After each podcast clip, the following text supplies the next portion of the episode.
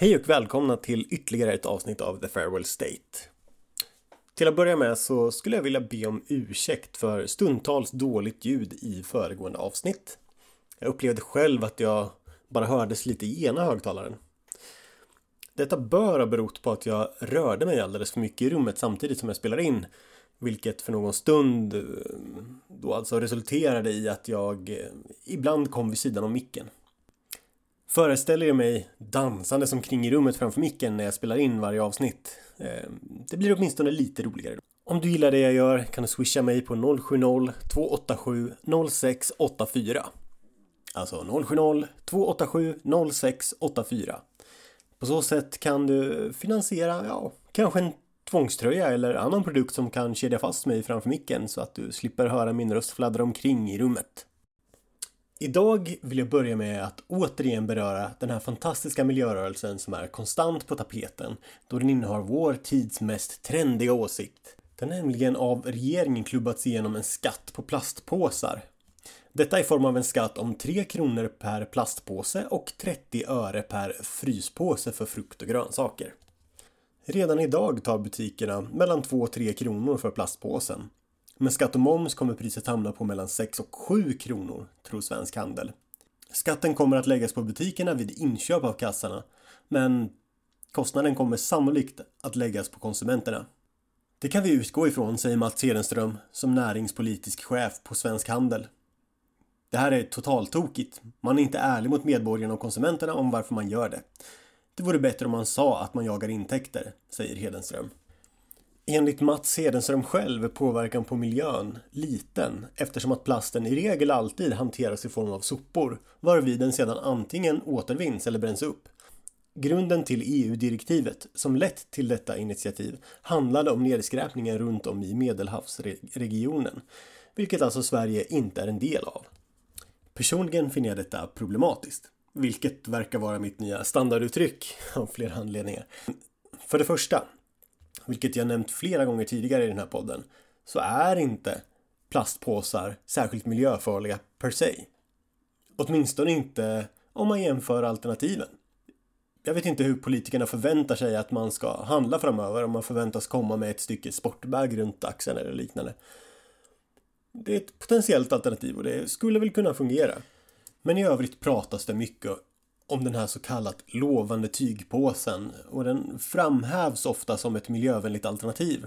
Framförallt ska man inte bortse från anhängare av miljörörelsen som ständigt ses flyga fram längs Södermalms gator på en elsparkcykel med just det, en tygpåse runt axeln.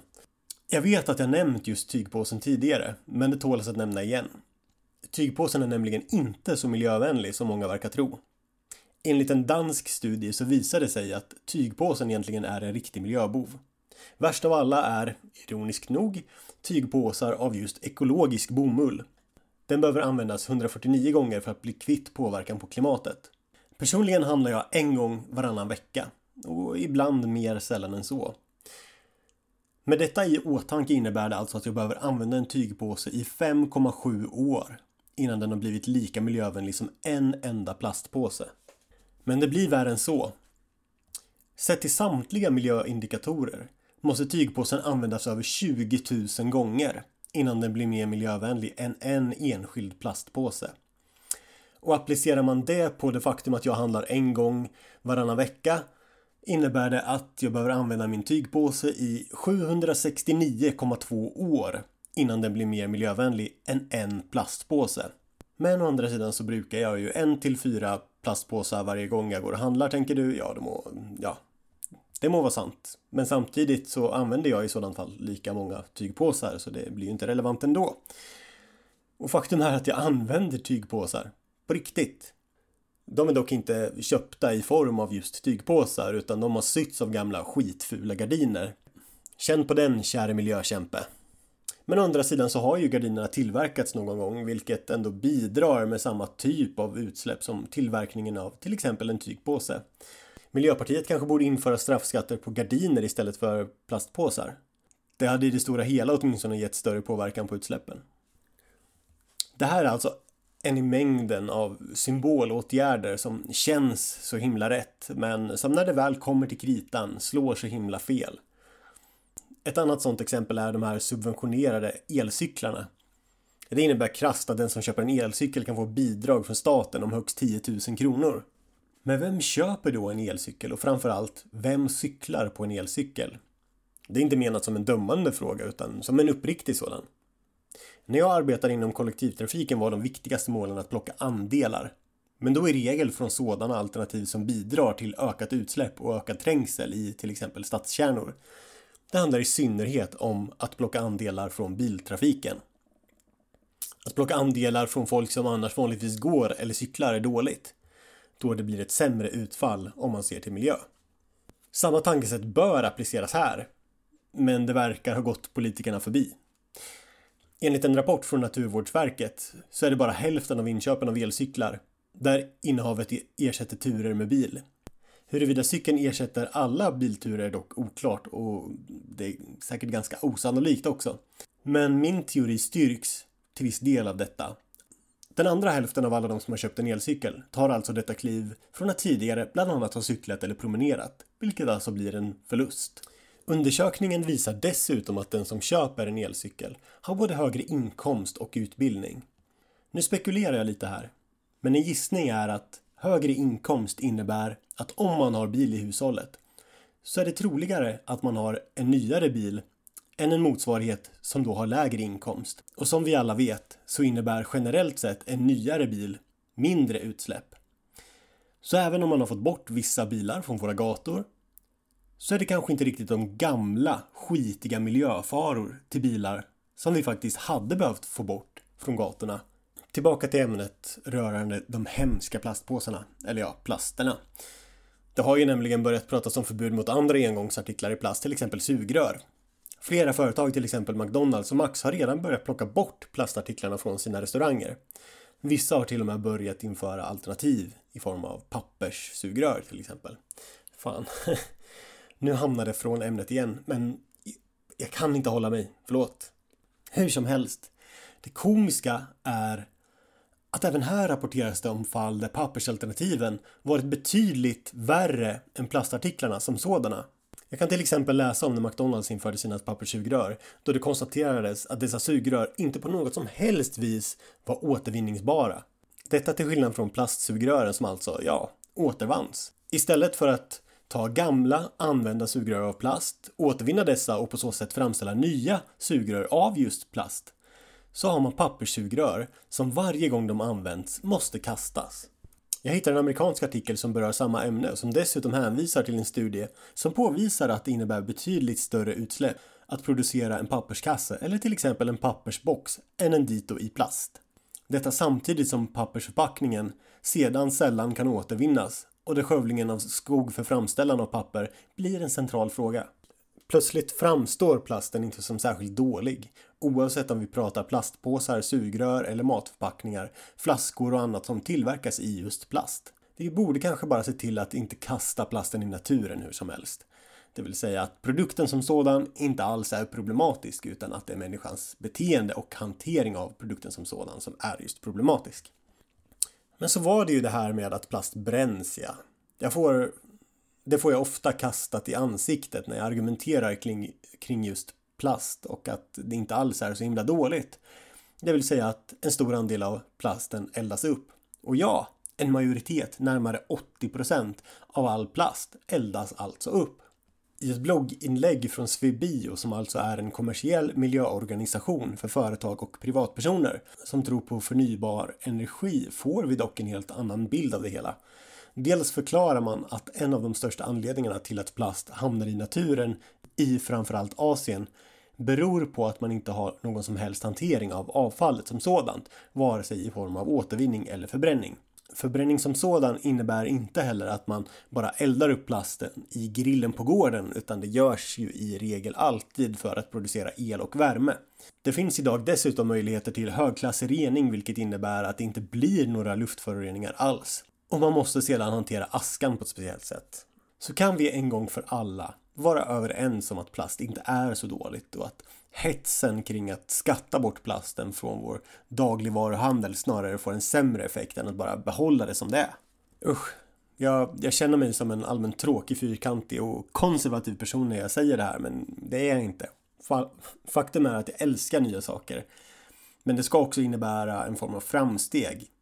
Jag älskar det faktum att vi får fler elbilar, att det pratas om självkörande bilar och bussar och så vidare och så vidare. Men så ska det dels också vara möjligt att genomföra och det bör ge en positiv effekt. Att införa något som bidrar med raka motsatsen kommer inte att gynna någon. Som i detta fall med alternativ till plast som de facto är värre än just alternativet i plast. Jag ställer mig dock inte främmande till ett alternativ när det väl finns ett sånt. Alltså ett alternativ som är miljövänligare än just plast. Just nu verkar det dock inte finnas ett sådant. Det är kanske där miljörörelsen borde lägga sitt fokus istället för att försöka skatta bort artiklar som man tror är dåliga till förmån för något som enligt en mängd studier är ännu sämre i tron om att det känns rätt. Jag tror att miljörörelsen har tittat på för många bilder och filmer från Greenpeace. Filmer där sköldpaddor har plastsugrör som tryckts upp i näsan eller fåglar med plastförpackningar som fastnat runt deras halsar. Nedskräpningen är ett problem, ja. Plasten är inte ett problem, alltså borde vi inte tvinga bort plasten genom onödiga skatter och åtgärder. Istället borde vi bara sluta vara idioter och sluta kasta plast i naturen. Svårare än så behöver det inte vara. Så miljörörelsen kanske ska fokusera på att straffbeskatta gardiner istället för plast. För miljöns skull. En annan skadlig vara som miljösocialisterna alldeles säkert hade velat beskatta om de hade kunnat är, just det, Donald Trump. Nej, det jag vill säga här är att jag blir alldeles fascinerad över hur tydlig svensk medias politiska agenda har blivit när det kommer till just USA och Donald Trump. Man har liksom lagt i högsta växeln och trampar nu plattan i mattan vad gäller att smutskasta djävulen i väst. Nu är det inte bara Donald Trump som har råkat ut för just det här. Det har ganska ofta varit en hård ton mot just USA från svensk media överlag. Förutom när Obama satt vid makten förstås. Alla älskar ju Obama och allt som Obama gör, eller hur? Och jag kan självfallet tycka att en viss kritik är befogad, både mot USA som land och mot Trump som företeelse, affärsman och president. Men nu har botten nåtts för min del och jag känner tyvärr bara att det känns som en tramsig cirkus där svensk media tävlar i att hitta flest fel och brister i precis allt som Trump gör. Till exempel gjorde Obama mycket i konflikten med Nordkorea. Man försökte äntligen få till en dialog. Super, tyckte alla svenska mediekanaler Obama varnar Nordkorea hette det till och från. Fantastiskt. Bravo! Och sen gör Trump detsamma. Och då kallas otaliga experter in för att förklara hur oansvarigt och riskabelt gjort detta är av Trump. Att Trump sedan faktiskt börjar få till både möten och förhandlingar med Nordkorea är ju något som få amerikanska presidenter historiskt kan titulera sig med. Även detta var alltså både dåligt, farligt och riskabelt. Detsamma rör USAs närvaro i Mellanöstern. Alla vet att man enligt handboken för god svensk etikett bör kritisera USA för deras närvaro i Mellanöstern. De är ju bara där för oljan, brukar det heta. De är där för att få makt över Mellanöstern kan det ja, också heta. Oavsett så är det jättedåligt att de har närvaro i just Mellanöstern. Men inte nu längre, för nu har ju Donald Trump nämligen kallat hem trupperna från gränsen mellan, mellan Turkiet och Syrien. Helt plötsligt har Trump blod på sina händer för att citera Jonas Sima i Aftonbladet eftersom att man nu lämnat den här delen av Mellanöstern. Jag struntar i att säga vilket eh, parti jag tar i den här frågan, men det faller i mina ögon vara ganska motsägelsefullt att den ena dagen vilja ha bort USA från Mellanöstern för att sedan klaga när Trump drar hem trupperna från Syrien och då plötsligt peka på hur viktig USAs närvaro är i just Mellanöstern. När jag söker i svenska medier på nyheter om Donald Trump får jag följande sköna axplock av oberoende nyhetsrapportering kring Trump och USA.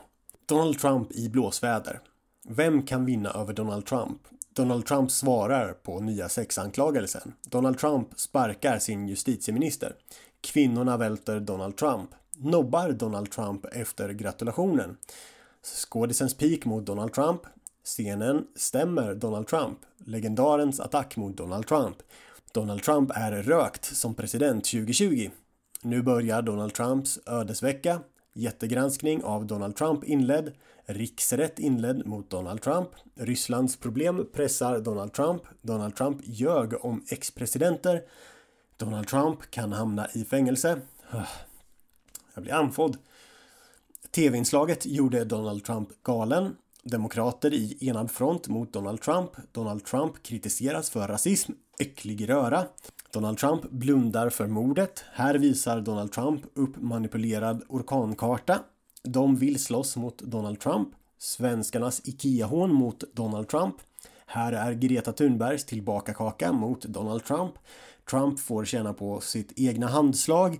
Anklagelsen mot Donald Trump efter samtalet med astronauten Jessica Meir.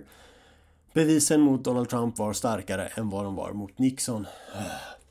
Och det här är alltså bara ett axplock.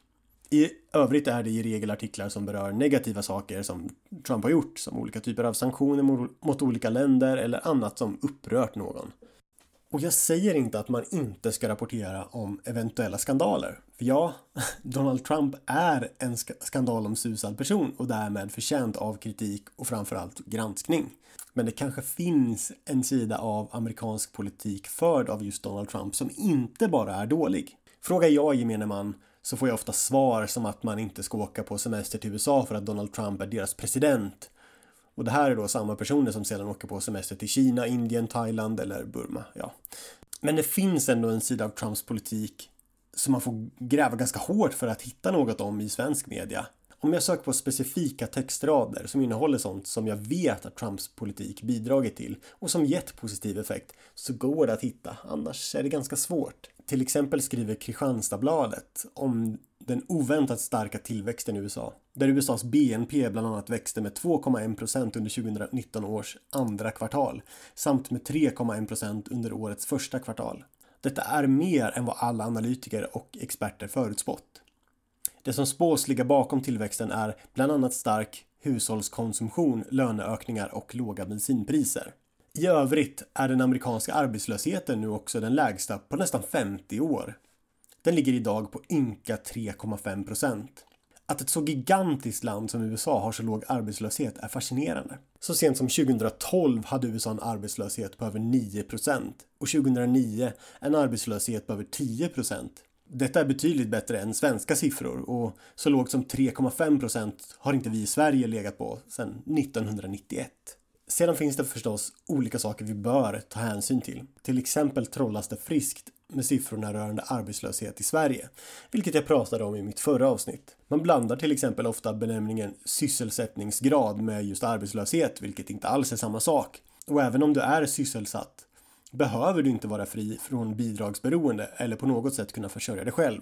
Sveriges arbetslöshet uppskattas vara 7,4 procent per idag. Trots detta hade vi ett bidragsberoende om 13,3 procent per 2017. Arbetslösheten låg vid samma tillfälle omkring 6,5 procent. Våra siffror kring arbetslöshet stämmer alltså inte. Eller jo, de, de stämmer ju med definitionen. Men målet med att mäta och följa upp sånt här handlar ju om att få klarhet i hur många som belastar statskassan i form av bidragsberoende i och med att de inte kan försörja sig själva. Det här tar man inte hänsyn till när man i Sverige talar om sysselsättning. Sysselsatt är du om du veckan då mätningen görs har arbetat minst en timme. Då ses du inte som arbetslös. Och även om den syssla du utför finansieras eh, genom bidrag, till exempel praktik, utbildning hos Arbetsförmedlingen, sjukskrivning eller liknande, så ses du inte som arbetslös och därmed alltså sysselsatt.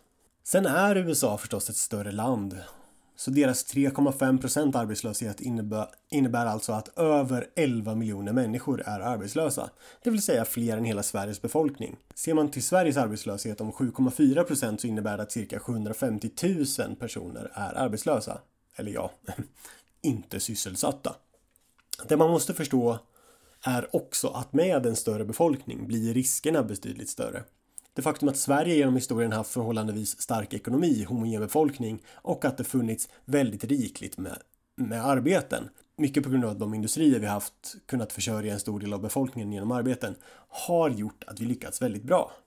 Ett land som USA, som i regel alltid legat längst fram vad gäller marknadens utveckling, löper därmed en större risk att drabbas av akut arbetslöshet och fattigdom om det är så att populationen inte hänger med i den teknologiska utvecklingen och alltså inte kan få de jobb som marknaden erbjuder. Dessutom behöver väldigt många fler konkurrera om väldigt mycket färre antal yrken i samband med att marknaden effektiviseras och förändras. Riskerna ökar helt enkelt med en större befolkning och det är betydligt svårare att hantera svängarna. Det vi ser kopplat till USA är att deras arbetslöshet var ovanligt hög i samband med recessionen 2008-2009.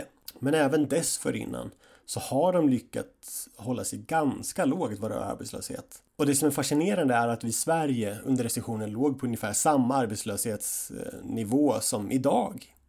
Åren efter recessionen ökade vår arbetslöshet något, ungefär, ja, ungefär med 2% USA å andra sidan ökade sin arbetslöshet från 4,5% 2007 till 10% 2010. Sedan dess har de alltså lyckats minska arbetslösheten till rekordlåga 3,5% Det jag kan konstatera utifrån det här är att vi i Sverige antingen inte drabbades av recessionen särskilt hårt eller att vi bara är sjukt dåliga på att hantera antalet arbetslösa i Sverige. Då nivån verkar förvånansvärt konstant. Åtminstone verkar våra politiker sämre på att sätta folk i arbete än, än jänkarna. Men jänkarna har ju oschysstare villkor och har dumpat löner så det är klart att vem som helst kan få jobb där, tänker säkert du. På sätt och vis, ja, men å andra sidan så är allt återigen inte svart eller vitt. USA må vara en extrem på ena kanten där många kan få jobb eftersom att det är så himla enkelt och billigt att anställa att du kan sparka folk ganska enkelt och att eh, vissa inte ens kan överleva på sin lön. Sverige å andra sidan är en extrem där det är extremt svårt att få jobb. Där minimilönerna är höga men medianlönerna låga. Företag är rädda för att anställa eftersom att det är dyrt och du kan inte sparka någon hur som helst. Och så vidare, och så vidare. Jämför vi inkomster ser det ut enligt följande. I Sverige är medianinkomsten för en familj cirka 488 000 kronor per år eller cirka 40 666 kronor per månad. I USA är motsvarande medianinkomst för en familj cirka 421 000 kronor per år eller 35 000 kronor per månad. Marginellt lägre inkomst per hushåll i USA med andra ord. Men att fattigdomen skulle vara så enorm bland amerikaner att snittlönerna skulle vara orimligt låga, det är inte helt sant. Tittar vi på medianlöner ser det lite annorlunda ut. I Sverige ligger medianlönen på cirka 257 000 kronor per år eller 21 500 kronor i månaden. I USA ligger medianlönen på cirka 333 000 kronor per år eller 27 750 kronor i månaden. Amerikanerna tjänar med andra ord generellt mer än gemene svensk. Sen får man förstås justera efter boendekostnader vars nivåer självklart varierar i högre grad i USA än i Sverige med tanke på den fria marknaden. Jag vill ändå bara säga att argumentet för att gemene amerikan skulle tjäna alldeles för lite pengar på grund av de dåliga villkoren och den mer fria marknaden och så vidare mm, helt enkelt inte stämmer. I vanlig ordning verkar det som att Sverige sitter och är mer besatt av bilden av sig själv och sina motståndare. För USA framställs i regel alltid som just den stora fienden, bortsett från när, när vi då får hjälp av just USA. Då är, de, då är de ju vår bästa, bästa kompis. Vi är besatta av att vi själva ser bättre ut än vad vi egentligen är. Det pratade jag ganska mycket om i senaste avsnittet av The Farewell State. Vi verkar minst lika besatta av att peka på hur dåliga USA är. När de kanske inte alls är så dåliga som vi vill påskina. I synnerhet när de har en hemsk politiker såsom Donald Trump eller George Bush. När Obama satt vid makten verkade det inte vara riktigt lika illa. Konstigt kan tyckas. I synnerhet eftersom att till exempel arbetslösheten var betydligt högre än med Trump vid makten. Men vad vet jag, jag har ju inte så många moraliska poäng att spela på. Det jag försöker säga är att jag, jag finner det ganska beklämmande att titta på och läsa och lyssna på svenska nyheter. Där man alltid får en helt ensidig bild av det politiska läget och kring Sverige och kring USA. Och sen när man börjar ta reda på fakta så kommer det fram att det inte alls är så. Och jag menar, jag, jag har vuxit upp i ett, i ett hem med föräldrar och bekanta som Alltså man tittar på TV4-nyheterna på morgonen innan man går till jobbet och man läser Aftonbladet eller Expressen vid, vid köksbordet när man äter frukost. Det är så det fungerar och man, man tror väldigt ofta på vad man läser. Och det är precis det som är så sanslöst beklämmande för att väldigt ofta så är den bild som presenteras i svensk media inte sanningen. Och det är tragiskt. Det är så extremt politiskt vinklat. Därför kommer jag antagligen att eh, beröra fler nyheter framöver och presentera fakta tillsammans med min åsikt om det hela. Men det var egentligen allt jag ville säga idag. Ehm, både att det du läser, hör och ser om skatt på plastpåsar och Donald Trump inte alls behöver vara så som verkligheten faktiskt ser ut. Det är faktiskt så att plastpåsarna är betydligt bättre för miljön än de idag tillgängliga alternativen. Och det är faktiskt så att Donald Trump har bidragit med väldigt, väldigt mycket bra för USA, för amerikanerna och deras ekonomi. Något som inte är så bra, eh, åtminstone inte på grund av Swish-donationer, det är min egen ekonomi. Så om du gillar det jag gör så kan du swisha mig på 070-287 0684. Alltså 070-287 0684. Och om du eh, har tips, eh, synpunkter, rekommendationer, tankar eller vad tusan som helst. Eller om du vill bjuda mig på en pizza eller ja, vad som helst. Så kan du även mejla thefarewellstate.gmail.com. Eh, och för nu, over and out.